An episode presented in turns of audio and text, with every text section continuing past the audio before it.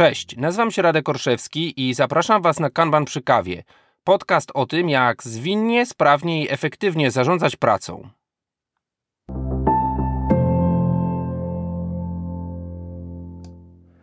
Jeden ze słuchaczy podcastu skontaktował się ze mną za pośrednictwem serwisu LinkedIn i zadał wprost dosyć ciekawe, może nawet niewygodne pytanie.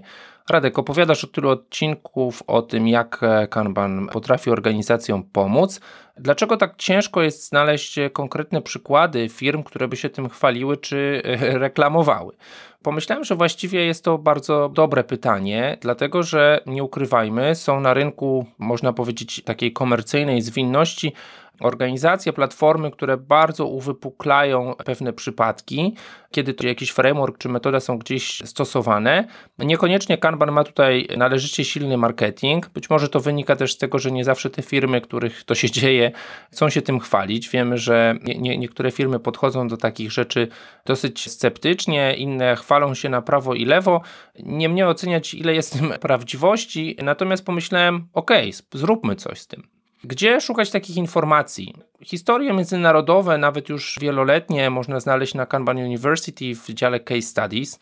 Bardzo wiele przypadków takich wdrożeń, konkretnych sytuacji naprawionych, można powiedzieć trochę Kanbanem, znajdziemy chociażby w naprawdę wielkim worku nagrań z konferencji kanbanowych, chociażby z odbywającej się w Hamburgu Lean Kanban Central Europe czy edycji północnoamerykańskiej.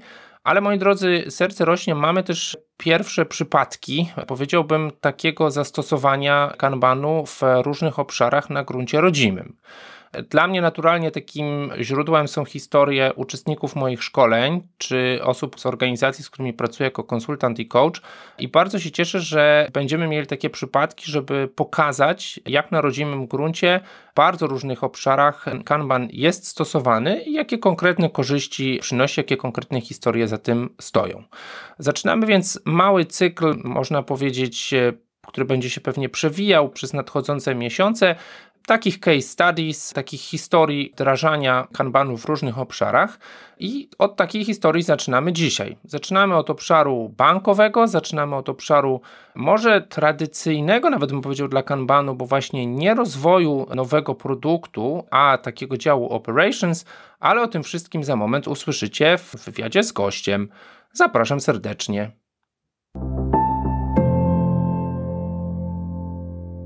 Tradycją naszego podcastu jest to, że goście przedstawiają się sami. Serhii, powiedz nam, kim jesteś, e, czym się zajmujesz. Cześć Radek, dziękuję. Obecnie jestem, że tak powiem, liderem transformacji w jednym z pionów, pionie operacji, mianowicie PF Banku BNP Paribas. Powiem, jestem prywatnie i tak jestem Kanban i Scrum entuzjastą. Służbowo zajmuję się wspieraniem zespołów kanbanowych, skramowych. Obecnie wspieram sześć zespołów w ramach transformacji. Zajmuję się wdrożeniem metod Kanban i Scrum od zera w takich zespołach bardziej kaskadowych i na co dzień gdzieś tam na poziomie całej organizacji staram się promować takie praktyki zwinne. Od jak dawna jesteś z organizacją? Wiesz co, z organizacją jestem ponad 3 lata. Wcześniej pracowałem w departamencie Contact Center, Później przez jakiś czas pracowałem w bezpieczeństwie w Departamencie Przeciwdziałania Nadużyciom, jeżeli chodzi o kontakt i gdzieś tam realizację podejrzanych, znaczy przeprowadzenie takich analiz, jeżeli chodzi o podejrzane transakcje. I tutaj od ponad rok już jestem w Departamencie Efektywności Operacyjnej, gdzie zaczynałem pracę jako Scrum Master typowy, promowałem mm -hmm. Scrum, gdzieś tam dopóki nie odkrywam jakieś inne metody, w tym Kanban. Do tego jeszcze dojdziemy. Dokładnie. Pytam Cię o czas, jaki jesteś w organizacji, tak żeby też słuchaczom dać pewien kontekst. No myślę, że trzy lata, nawet jeśli w różnych obszarach e, organizacji, to jest pewnie wystarczający czas, żeby zobaczyć, jakie są wyzwania, wewnątrz, zobaczyć jak różnie ta praca jest organizowana. Myślę, że to jest istotne, że tutaj będziesz opowiadał z perspektywy historii kogoś, kto w organizacji już trochę jest. Nie jest to perspektywa świeżynki, kogoś, kto wchodzi dopiero do organizacji, być może jeszcze nie wie, jak ta praca tam wygląda. No i byłaby na takim jeszcze, może można powiedzieć, miesiącu miodowym. Co to właściwie dla Ciebie oznacza zwinność? Przedstawiłeś się tu jako lider, agent zmiany, pewnej zwinnej transformacji. Wiemy, że to jest temat, który się pojawia, odmieniany przez wiele przypadków w różnych publikacjach. Dla Ciebie osobiście zwinność. Wiesz co, ja bym powiedział tak naprawdę dwie rzeczy, które wydają mi się bardzo ważne, jeżeli mówimy o zwinności. Pierwsza jest taka, że pracować zwinnie oznacza, że tutaj musimy się pogodzić z tym, że nikt z nas e, nie zna przyszłości, prawda? Nie no, co ty. E, tak też dobry cytat, że jedyną stałą rzeczą w życiu jest zmiana, prawda? I wiele tutaj też agentów zmiany, Scrum Masterów, Agile Coachy mówią, że tak naprawdę warunki się zmieniają, otoczenie się zmienia. Tak naprawdę rzeczywistość tutaj w ciągu ostatnich dwóch lat również uległa dużej zmianie.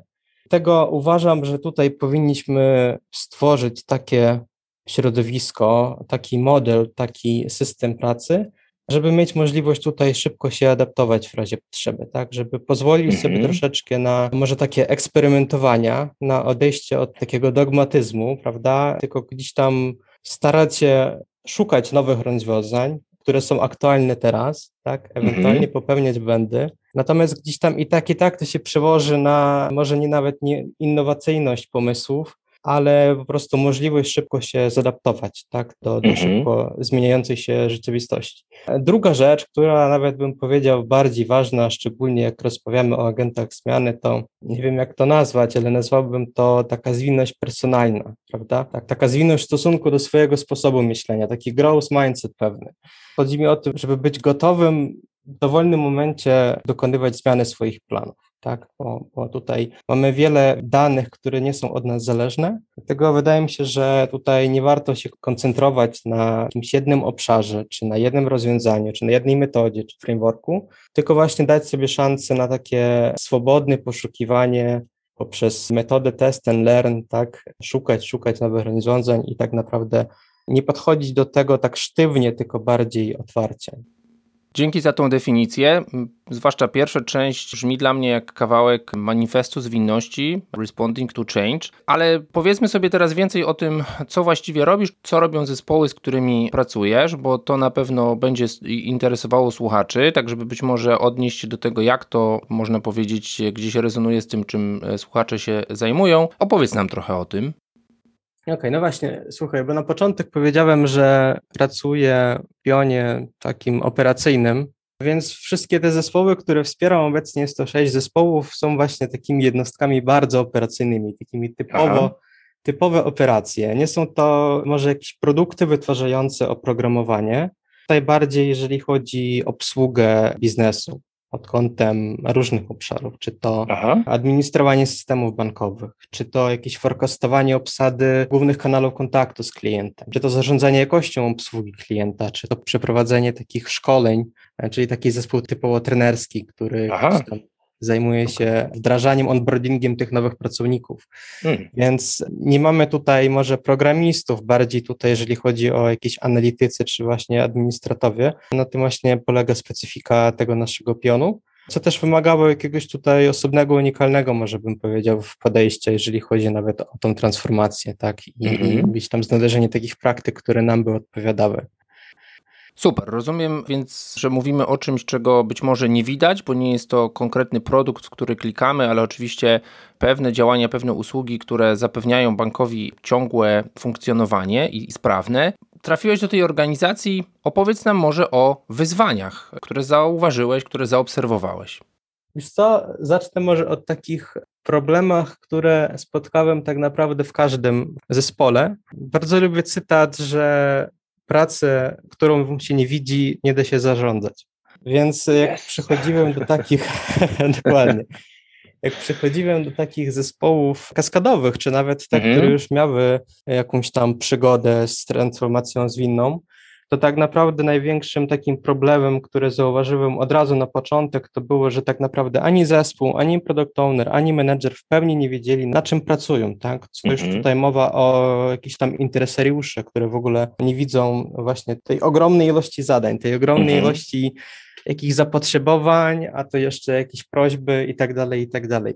Więc taka ukryta praca, żebym powiedział, to jest taki pierwsze, mm. pierwsze wyzwanie, taki problem, które da się jawno określić zespołom, które, no może nie to, że nie są dojrzali, tylko że wiesz, nie, nie pracowali wcześniej ani z Kanbanem, ani z innymi metodami zwinnymi, Druga rzecz na pewno to jest duża ilość tych zadań, tak? Mimo, że Aha. jest ta praca ukryta, jest jej bardzo dużo. Dlatego wiesz, takie stwierdzenie typu potrzebuję to na teraz, czy potrzebowałem to na wczoraj, to w ogóle wiesz, takie zdania się używają nawet bez zastanowienia się tak naprawdę, czy to ma jakąkolwiek wartość, tak? Tylko po mhm. prostu wszyscy się przyzwyczaili, że tej pracy musi być dużo.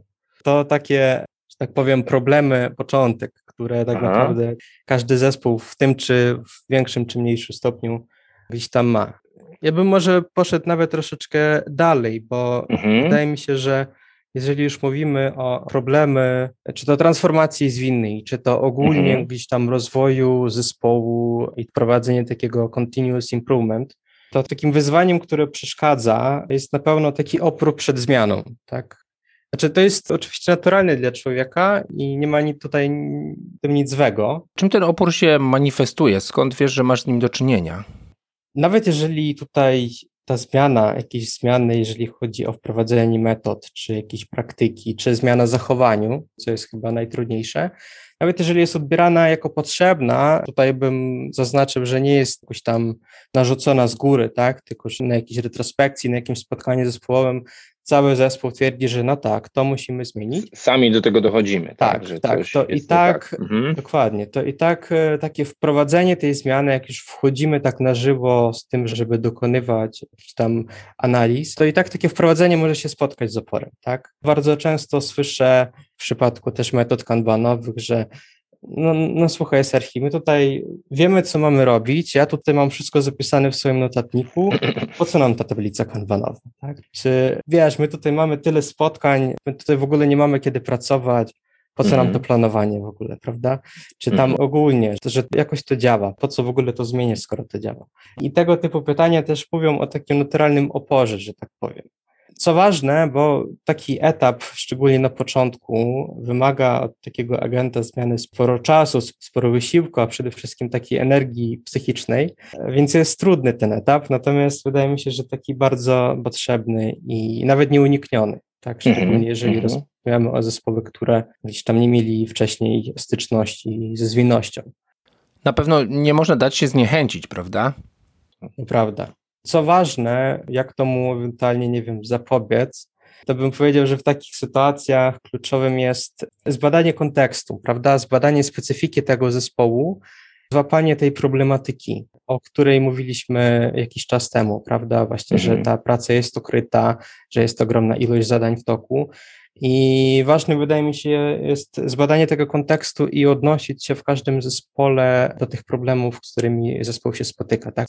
Czy to komunikacja z biznesem, tak? Czy właśnie jakaś chaotyczność, jeżeli chodzi o priorytety, czy właśnie ta ogromna ilość zadań w toku. I później zidentyfikując te problemy, czy to gdzieś tam na statiku, czy tak ogólnie obserwując, jak zespół pracuje, po prostu odnosić się, tak, odwoływać się do tego kontekstu, do tej problematyki i wspólnie z zespołem ustalać jakieś rozwiązania, tak, że słuchajcie, Mówicie, że macie e, ogromną ilość zadań, więc może po prostu zainwestujmy porządnie ten czas, te dwie godziny w miesiącu, żeby jednak się spotkać na tym planowaniu i ustalić, dlaczego tego jest dużo, tak? I być może to przyniesie jakiś skutek, tak? I to nagle mhm. się ukazuje, że po dwóch, trzech kadencjach zespół już w sumie jest bardzo pozytywnie odbiera, prawda, to planowanie czy jakieś inne spotkanie, mimo że gdzieś tam na początku odczuwałem strasznie tą... Alergia na spotkanie, tak. Tak. To jest jako jeden z przykładów, natomiast no, tak naprawdę wydaje mi się, że ważne jest po prostu w każdym momencie, kiedy proponujemy jakieś rozwiązanie, odwoływać się do tego, jak się z tym czuje zespół, prawda? Bo mhm. każdy zespół jest inny, każda organizacja jest inna, każdy departament jest inny, dlatego musimy tutaj troszeczkę podejść, tak jak powiedziałem na początku, nie sztywnie, tylko bardziej odwoływać mhm. się do tego, czego potrzebuje zespół i tym się kierować. Jasne. Tu pozwolę się sobie wtrącić, bo wspomniałeś o statiku. Może tak e, po pierwsze, woli wyjaśnienia, static, czyli System Thinking Approach to Introducing Kanban. Jest to jedno z narzędzi coachingowych, kanbanowych, tak można by powiedzieć, kiedy przeprowadzamy zespół właśnie przez ten proces zrozumienia, co my właściwie robimy. Jestem tuż po szkoleniu Kanban System Design, na którym ten element jest pokazywany, jest uczony. No i właśnie w tej, jak i podobnie w innych grupach pojawia się ten jeden z kroków, na którym próbujemy zrozumieć, jakie są przyczyny niezadowolenia, zarówno tego wewnętrznego, zespołowego, zewnętrznego, a więc trochę wejścia w buty interesariuszy, odbiorców naszej pracy. I często pada pytanie, ale właściwie po co o tym mówimy? Dlaczego nie skaczemy do tej analizy zapotrzebowania od razu do właśnie projektowania tej tablicy? A myślę, że jest to istotny aspekt, żeby sobie powiedzieć, jaki problem, jaką złą energię próbujemy tutaj e, właśnie próbując jakiejś metody rozwiązać. To myślę, że jest szalenie istotne.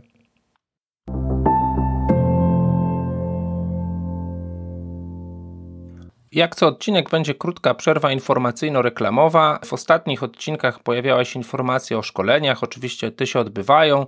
Zawsze ich aktualną ofertę znajdziecie na leanagile.ninja. Natomiast dziś coś bardziej podcastowego. Pamiętajcie, że możecie zostać patronami lub patronkami podcastu Kanban przy kawie.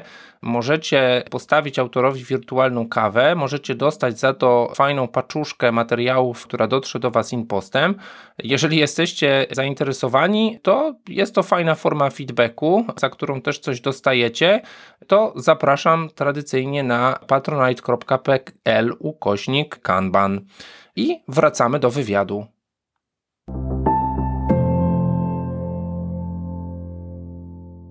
Serhi, myślę, że słuchacze, słuchaczki na pewno są zainteresowani tematami mocno kanbanowymi. Zaczęliśmy od zmiany, od transformacji. No, przedstawiłeś się również jako osoba, która weszła do organizacji jako Scrum Master. Przekornie należałoby powiedzieć, no jak to Scrum Master i Kanban, ale tak na poważnie, co cię skierowało w stronę tej metody? Jak do tego doszedłeś? Jak ją może odkryłeś?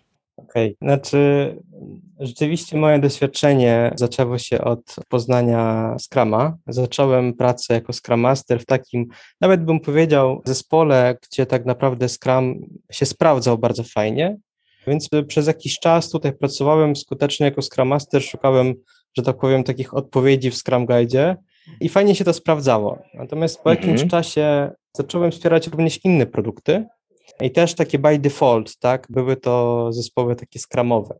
No i tu już nie było tak łatwo, że tak powiem, bo zacząłem zadawać sobie pytania takie, wiesz, na takiej nawet retrospekcji personalnej, czy Scrum to rzeczywiście taki najlepszy sposób wykonywania pracy w tych innych zespołach, tak? Czy ten framework jest jakby dopasowany do zespołu, czy może mm -hmm. raczej odwrotnie? tak? W pierwszej kolejności, dlaczego lead time nam rośnie, tak, a nie spada, skoro mm. tutaj staramy się go jak najbardziej zredukować. A najważniejsze, dlaczego zespół tego Scrumu nie czuje, tak? Mimo, że gdzieś tam próbujemy od jakiegoś czasu, wprowadzamy jakieś tutaj techniki, ogólnie czuje taką niechęć i no, ten opór się jakby wydłuża, prawda, w naszej współpracy. Dlaczego w pierwszym zespole jest ok, a w drugim już nie? Mm -hmm. I tutaj te pytania, taka refleksja tak jakby mnie doprowadziła do kanbanu, że tak powiem, bardzo naturalnie, bo e, gdzieś tam zacząłem, zacząłem oczywiście jakieś artykuły w internecie czytać, dowiedziałem się, czym jest kanban, bo też jakieś dwie książki przeczytałem na początek, Natomiast był to taki, wiesz... No, to muszę to powiedzieć, że to i tak więcej niż większość ludzi, która twierdzi, że zna Kanban, te dwie książki wiesz, to był taki eksperyment, to nie był mhm. taki e, wybór świadomy, ja to oczywiście skonsultowałem no przede wszystkim z zespołem, z product ownerem, czy się zgadzają na przeprowadzenie takiego eksperymentu, natomiast był to też dla mnie eksperyment, tak, czy będę w stanie e, znaleźć jakąś tutaj metodę, która będzie pasowała tym zespołom, która może nawet nie mhm. pasować, tylko pozwoli na zbudowanie czegoś własnego, tak, jak Aha. mamy te klocki Lego i budujemy coś swojego, tak, coś unikalnego, właśnie uwzględniając te potrzeby zespołu, uwzględniając ich problemy, tak, wąskie gardła i tak dalej, przy tym nie narzucać jakichś zbędnych praktyk, które, mhm. które w tym czy innym zespole po prostu nie sprawdzają, tak, bo tak jak mówiliśmy, te zespoły operacyjne wykonują taką pracę, nie wytwarzają żadnego oprogramowania, tak? Więc nawet na takim żywym przykładzie, jakbyśmy powiedzieli określenie takiego celu sprintu, dla takich mhm. zespołów był bardzo problematyczny, tak? No bo tutaj mamy różne obszary działania, mamy różne kanały zapotrzebowań, więc tak naprawdę ten cel sprintu nie jesteśmy w stanie zdefiniować po prostu, mhm. tak? I, I, takie planowanie sprintowe były po prostu mało skuteczne. Więc wiesz, często się mówi, że Scrum nie rozwiązuje problemów, tylko Scrum je pokazuje. To jest prawda i to się z tym jak najbardziej zgadzam.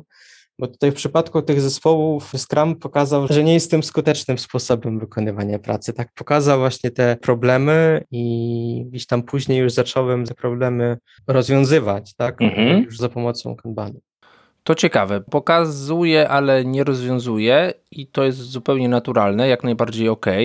Myślę, że tutaj warto też dodać ten komentarz, że poszukałeś jakiejś alternatywy i, i często mam wrażenie, niekoniecznie widzimy taką refleksję u, u Scrum Masterów, nawet Agile Coachy, co jeśli nie to, z czym przychodzę, albo czym jakby nawet jest mi nakazane pierwotnie pracować. Super, to bardzo dojrzała reakcja. Zacząłeś zgłębiać Kanban, zanurkowałeś w niego. Opowiedz nam, co konkretnie pomogło. Mówiłeś o wyzwaniu niewidoczności tej pracy, co pewnie słuchaczom, słuchaczkom coś nasuwa. No ale pójdźmy dalej. Co jeszcze? Wiesz co, tak na początek te zespoły, z którymi wspólnie gdzieś tam próbowaliśmy ten Kanban, tak jak wcześniej powiedziałem, pracowali wcześniej w Scrumie. Tak, i gdzieś tam chciałem tą transformację frameworku Scrum na taką metodologię kanbanową zrobić jak najprostszą, tak, żeby nie zmieniać wszystko, tylko mhm. zacząć od tego, co robimy i powoli, powoli, tak ewolucyjnie, małymi kroczkami dokonywać tej zmiany. Pięknie tu wszywasz zasady przeprowadzania zmian. Wiesz co, zaczęliśmy od tych najprostszych praktyk, takie, że tak powiem, must have. No właśnie, spotkaliśmy się na statiku, tak? Tu też odkryłem, że tak naprawdę zespół poznał swoją pracę od początku, tak? W końcu zrozumieli, w końcu zbudowali, zmodelowali ten przepływ pracy, w końcu złapali, ile tego jest. Więc tutaj zaraz po statiku, tak, wykonaliśmy tej pierwszej praktyki, czyli wizualizacja pracy. Pokazaliśmy, ile tego mamy. Okazało się, że mamy tego bardzo dużo, tak? Jest to jakiś sygnał. Też nie rozwiązuje jako taki problem. Natomiast już mieliśmy jakieś pewne wytyczne, tak, że okej, okay, mamy sytuację taką i taką, więc teraz możemy coś z tym zrobić. Też wiesz, nie próbowałem tutaj, każda, każda tablica kanwanowa jest inna, nie znajdziemy dwóch podobnych. Natomiast moim zadaniem było gdzieś tam, odczułem, że warto pójść w stronę takiej prostoty, tak, kierować się po prostu prostymi rzeczami. Zaczęliśmy od takich podstawowych statusów, później to jakoś próbowaliśmy dopasować.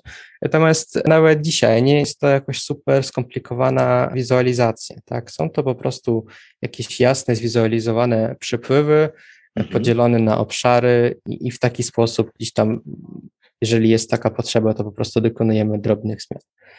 Druga rzecz to było ograniczenie pracy w toku i znów tutaj poprzez eksperymentowanie spróbowaliśmy, wiesz, od takich standardowych, czyli powiedziałem zespołowi, słuchajcie, sytuacja jest jasna, tak, mamy za dużo tutaj wszystkiego na raz. Oczywiście są pewne expedite, mhm. natomiast generalnie starajcie się gdzieś tam tych e, VIP limitów pilnować, tak, gdzieś tam nie brać za dużo, i może w końcu, wiesz, zacznijmy kończyć i kończymy zaczynać, tak, te zadania -hmm. rozpoczęte, które się nigdy nie kończą. Więc gdzieś tam tutaj weszliśmy w to zarządzanie takiego przypływu, wprowadziliśmy takie podstawowe VIP limity, patrzyliśmy, badaliśmy, czy to się sprawdza. Oczywiście, gdy była taka potrzeba, gdzieś tam je zwiększyliśmy.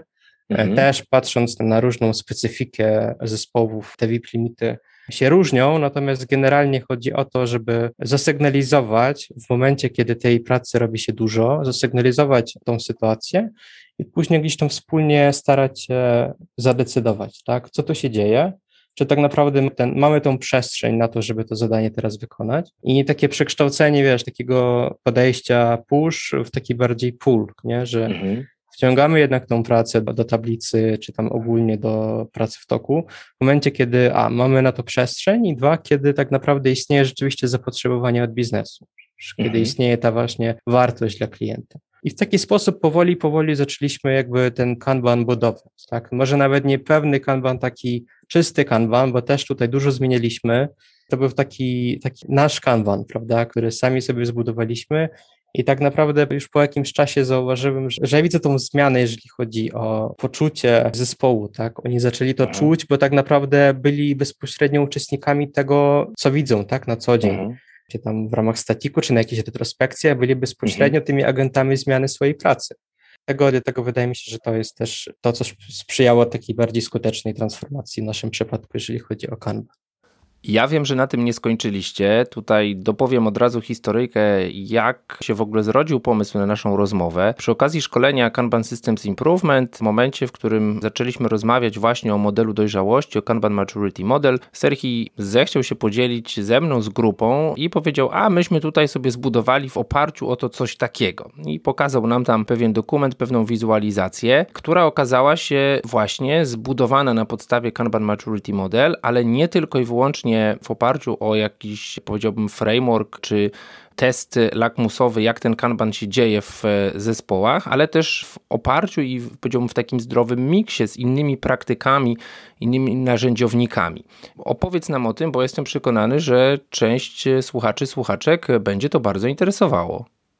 Dziękuję za wprowadzenie. Może powiem tak od początku. Kiedy się okazało, że, że ten kanban się sprawdza i że się sprawdza świetnie, w niektórych zespołach. Zaczęliśmy go promować, tak, i wdrażać również w innych zespołach, nawet w tych, które wcześniej nigdy ani w Scrumie, ani w Kanbanie nie pracowali, czyli były to takie zespoły kaskadowe.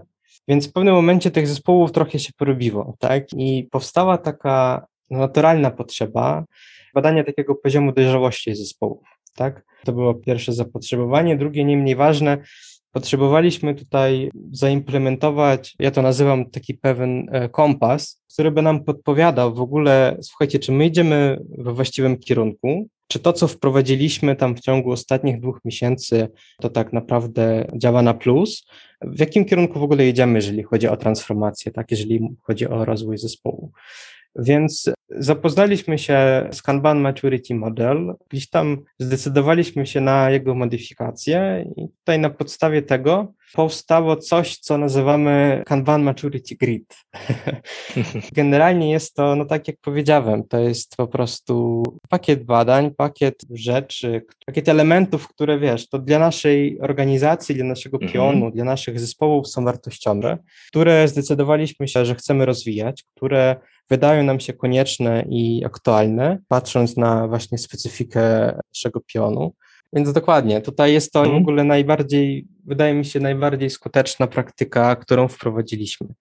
Czyli chcecie wiedzieć, gdzie z tym jesteście, jak to wygląda w innych zespołach, ale to, co mnie też urzekło, to jest to, że dodałeś tam, dodaliście elementy innych, tak jak powiedziałem wcześniej, narzędziowników. Co tam jest? Dokładnie, dokładnie. I to jest właśnie, wiesz, to jest ten skutek tego, co mówiłem na początku, że warto gdzieś tam się nie koncentrować i faktycznie się rozwijać również w innych obszarach. Jako przykład to jest właśnie ten Kanban Maturity Grid, ponieważ tam tak naprawdę możemy, wiesz, umieściliśmy tam praktyki zapożyczone tak naprawdę z wielu różnych obszarów, z wielu różnych mhm. metod. Mamy tam oczywiście praktyki takie typowo kanbanowe, Natomiast e, zapożyczyliśmy też fajne narzędzia ze Scrumu, tak, czy z Leanu, czy w ogóle jeżeli chodzi o taki sposób zarządzania management 3.0 czy też mamy jakieś narzędzia, które sami wypracowaliśmy po prostu od zera, tak, ponieważ istniała taka potrzeba. Więc wiesz, nie, nie ograniczamy się w żaden sposób tutaj kanbanem, mimo że to się nazywa mm -hmm. Kanban Maturity Grid, bo również ją zastosujemy do takich zespołów, które pracują, że tak powiem, jeszcze w Scrumie. Natomiast chodzi generalnie o tym, żeby spadać pod różnym kątem różne elementy, które dla nas są wartościowe, gdzieś tam od czasu do czasu dokonywać tego badania i patrzeć na to, jak te zespoły poszczególne się rozwijają, tak? Tak jak powiedziałem, dzielimy to oczywiście na kilka takich obszarów ważnych dla nas. To są ludzie, a nawet bardziej bym powiedział zachowanie ludzi, tak? gdzie mhm. umieszczamy bardzo fajne rzeczy. Do przykładu mogłbym powiedzieć. Gdzieś tam na poziomie całego pionu i wszystkich departamentów promujemy taką kulturę delegowania. Tak? I, w ramach Aha. tego gdzieś tam już tak ad hocowo przeprowadzamy warsztaty. Znaczy ogólnie jesteśmy fanami pracy Jurgena Appello i gdzieś tam bardzo lubimy ten delegation poker. Ja osobiście mhm. uważam, że to jest bardzo świetne i super narzędzie, żeby tak naprawdę, a z jednej strony spędzić fajnie czas zespołowym, ale dwa, tak naprawdę pokazać, czy my może mamy jakiś problem, tak? Ukryty mhm. problem, e, jeżeli chodzi o komunikację między menedżerem, czy tam produkt ownerem, a zespołem deweloperskim. No i tak naprawdę tutaj w ramach tego robimy takie warsztaty, podczas których określamy taki poziom decyzyjności zespołów deweloperskich. Aha. No i właśnie takie informacje jak najbardziej się znajdują tak, na naszej tablicy. ponieważ dla nas to jest wartościowe, tak, z naszego punktu widzenia. To w pewnym stopniu tak naprawdę obrazuje dojrzałość zespołu, tak, pod kątem właśnie zachowania ludzi, pod kątem tego, jak bardzo zespół jest samoorganizujący się, jak bardzo jest autonomiczny, wiesz, pod kątem takich procesów zespołowych, jak najbardziej też od czasu do czasu, tak jak powiedziałem, przeprowadzamy takie warsztaty i takie informacje się w naszej tablicy znajdują. Możemy tutaj też, powiedziałbym o takim narzędziu, które, no właśnie, wymyśliliśmy, że tak powiem, od zera. Jest to coś takiego, co nazwaliśmy Team NPS. E, natomiast również w ramach gdzieś tam promowania kultury feedbacku powstała potrzeba tak naprawdę zbadania i określenia poziomu satysfakcji biznesu, jeżeli chodzi o współpracę. Współpracę z zespołem deweloperskim, współpracę z product ownerem, określenie, w czym oni widzą wartość tego zespołu, tak? Jakie mają w ogóle pomysły czy prośby do tych zespołów. Więc mamy taką ankietę, którą przeprowadzamy raz na kwartał. Jest to ankieta anonimowa, składająca się tak naprawdę z kilku pytań, właśnie tak, które powiedziałem czyli od 0 do 10, jak oceniają współpracę z zespołem deweloperskim, z product ownerem, jak widzą wartość tego produktu. I oczywiście pod koniec prosimy, żeby określili jakieś usprawnienia, tak, które by życzyły sobie, jeżeli chodzi o współpracę. Jest to ankieta zupełnie anonimowa, my jej wysyłamy wszystkim interesariuszom i tak naprawdę później po prostu konsolidujemy te wyniki, patrzymy, no raz, patrzymy tak, na jakieś tam średnie, próbujemy wyliczyć jakiś taki NPS na podstawie tych ankiet, ale dla nas najbardziej wartościowym jest oczywiście te ostatnie, te komentarze, tak? Bo tak naprawdę daje nam bardzo konkretne informacje, czego sobie życzy biznes, tak? Czego sobie życzą interesariusze. O niektórych pewnych rzeczach najprawdopodobniej nie powiedzą, wiesz, tak na forum, gdzieś tam na review, na takich spotkaniach, e, więc oczywiście z tego zdajemy sobie sprawę, natomiast niemniej jednak dzięki temu narzędziowi udało nam się wykryć mhm. parę bardzo fajnych rzeczy do usprawnienia, które tak naprawdę sami byśmy nigdy nie wpadli. Natomiast do czego zmierzam? Te informacje, te pewne wyniki tego, tego badania Team NPS również umieszczamy jak najbardziej na tej naszej tablicy. I tutaj tak popatrząc, po prostu wiesz, mamy taki podgląd do tego, na jakim etapie w ogóle transformacji zespołu się znajduje. Oczywiście nie porównujemy zespołu A do zespołu B, bardziej staramy się do zmierzenia właśnie porównania zespołu A w dniu dzisiejszym do tego, jak to wyglądało załóżmy trzy miesiące temu. I dzięki temu możemy tutaj podejmować decyzje, patrzymy, gdzie są wąskie gardła, tak? Jest to taki też pewnego rodzaju taki system, który nam sygnalizuje o rzeczach, na które musimy zwrócić uwagę. Tak. I to wydaje mi się, że to jest mega, mega istotne i mega wartościowe. Bardzo fajna historia i opis. Tu myślę sobie o tym, co powiedziałeś, Team NPS, jako taka wasza konkretnie z organizacji nazwa, niemniej coś, co no, służy jako pętla informacji zwrotnej, odbywa się w jakiejś, tak jak mówisz, stałej kadencji, co bardzo się wpisuje poziom właśnie w takie ewolucyjne podejście też do tej kadencyjności kanbanu i myślę sobie o tym, że jest to też bardzo spójne z konceptem fit for purpose, gdzie w ankietach fit for purpose właściwie mówimy podaj nam swoją ocenę, tak, jeżeli jesteś interesariuszem korzystającym z usług danego zespołu w tym konkretnym case'ie. No i niezależnie od tego, czy ta ocena jest wysoka czy niska, to jakby chcemy zgłębić to, dlaczego ona taka jest, co stoi za danym poziomem satysfakcji czy dysatysfakcji.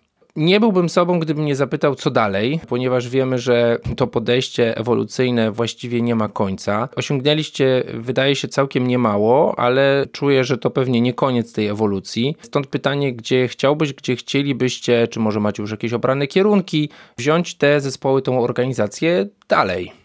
No, właśnie jestem w trakcie ustalenia planów na kolejny rok, jeżeli chodzi o transformację i wsparcie tych zespołów. Wiesz co, spróbowałem, znaczy zidentyfikowałem tak naprawdę dwa obszary do usprawnienia na chwilę obecną. Jednym z takich kluczowych to jest, że tak powiem, skuteczniejsze zarządzanie impedimentami zespołu, że tak to nazwę. Właśnie wspólnie z mhm. zespołami jesteśmy w trakcie określenia takich, wiesz, bardzo jawnych polityk dotyczących tego procesu, że raz zidentyfikowania, zarządzania, ewentualnie eskalacji impedimentów, bo zauważyłem ostatnio, że rozwiązywanie problemów, rozwiązywanie tych impedimentów zespołowych wymaga tak naprawdę więcej pracy. niż mhm. to, co jest śledzone w przypadku takich, wiesz, rzeczywistych wymagań, czy gdzieś tam zaplanowanych rzeczy. Wiesz, tutaj od razu powiem, że tak naprawdę Kanban i stosowanie tutaj praktyk wizualizacji to nas na bieżąco informuje, tak, kiedy takie problemy powstają. I to też jest bardzo wartościowe i mega przydatne, szczególnie taka metryka o informacji wieku pracy w toku. E, jak najbardziej to śledzimy i gdzieś tam jest to dla nas pewnym sygnałem, że coś jest nie tak. Natomiast, no może tak, może troszeczkę brakuje mi takiego usystematyzowanego podejścia w zakresie takich impedimentów większych, tak? Czy to są jakieś przeszkody takie grubsze, przeszkody operacyjne, czy są jakieś mhm. przeszkody techniczne, czy po prostu takie, których zespół nie jest w stanie rozwiązać samodzielnie, tak? I na pewno mhm. potrzebuje jakiejś tam eskalacji wyżej, zaadresowania wyżej. Więc właśnie jestem na tym etapie swoimi zespołami, żebyśmy po prostu dla każdego ustalili takie jawne polityki, jak i jawny sposób postępowania w przypadkach takich e, sytuacji, żeby mogli też postępować w miarę autonomicznie i tak, wiesz, promując samozarządzanie. I to jest jedno. Druga rzecz, taka inicjatywa, na którą już zacząłem pracować, jest takie założenie takiego klubu, ja go nazwałem klubem flow managerów, i bardzo mi się ta nazwa podoba. Bardzo fajna. E, naszego departamentu. E, wiesz, na początku, tak jak mówiłem, wspieram sześć zespołów i jest tego dużo ja sobie zdaję sprawę jak najbardziej, że nie przydzielam każdemu zespołu wystarczająco dużo czasu, tak? Natomiast no, jakoś trzeba się z tym radzić. Dlatego właśnie powstał taki, że tak powiem, klub, gdzie tak naprawdę są ludzie, zdefiniowani ludzie, czy, czy nawet e, grono ludzi, tak? Bo to jak wiemy, flow manager to nie jest e, żadna rola czy jakieś stanowisko, jest to raczej taka odpowiedzialność. A więc z każdego zespołu zdefiniowaliśmy taką osobę czy takie osoby, które pomimo swoich takich obowiązków e, codziennych wspierają zespół, tak? Pod kątem transformacji oraz pełnią takie podstawowe funkcje wsparcia. Tak? Mam tutaj na myśli no raz, że facylitacja, facylitacja spotkań, facylitacja jakichś grubszych e, właśnie pętli zwrotnych, zarządzanie przepływem na co dzień, tak, i właśnie usuwanie impedimentów, o których mówiłem wcześniej. To są tak naprawdę trzy takie główne cele, trzy funkcje tego klubu. Organizowane to jest w zasadzie takich spotkań cyklicznych, gdzie sobie się spotykamy, wspólnie wymieniamy się wiedzą i tak naprawdę dążymy do, no raz oczywiście, że gdzieś tam na bieżąco starać się rozwijać ten zespół i gdzieś tam rozwiązywać jakieś problemy, przeszkody i dwa, ogólnie wymieniać się wiedzą, tak, i po prostu promować taką samą organizację zespołu, tak. Bardzo mnie cieszy ten fakt, że niektóre zespoły w tym momencie są w stanie sami zarządzać przypływem, tak, że już tutaj nie powinienem ingerować za bardzo, natomiast mhm. są już na takim etapie dojrzałości, że sami sobie radzą, tak. Zresztą taki Scrum Master pracuje po to, aby w końcu być takim niepotrzebnym, może mhm. nawet nie, nie Scrum Master, tylko ogólnie bym powiedział agent zmiany. I właśnie bardzo mnie cieszy to fakt, że, że to działa, tak? I że widzimy tutaj jakieś postępy.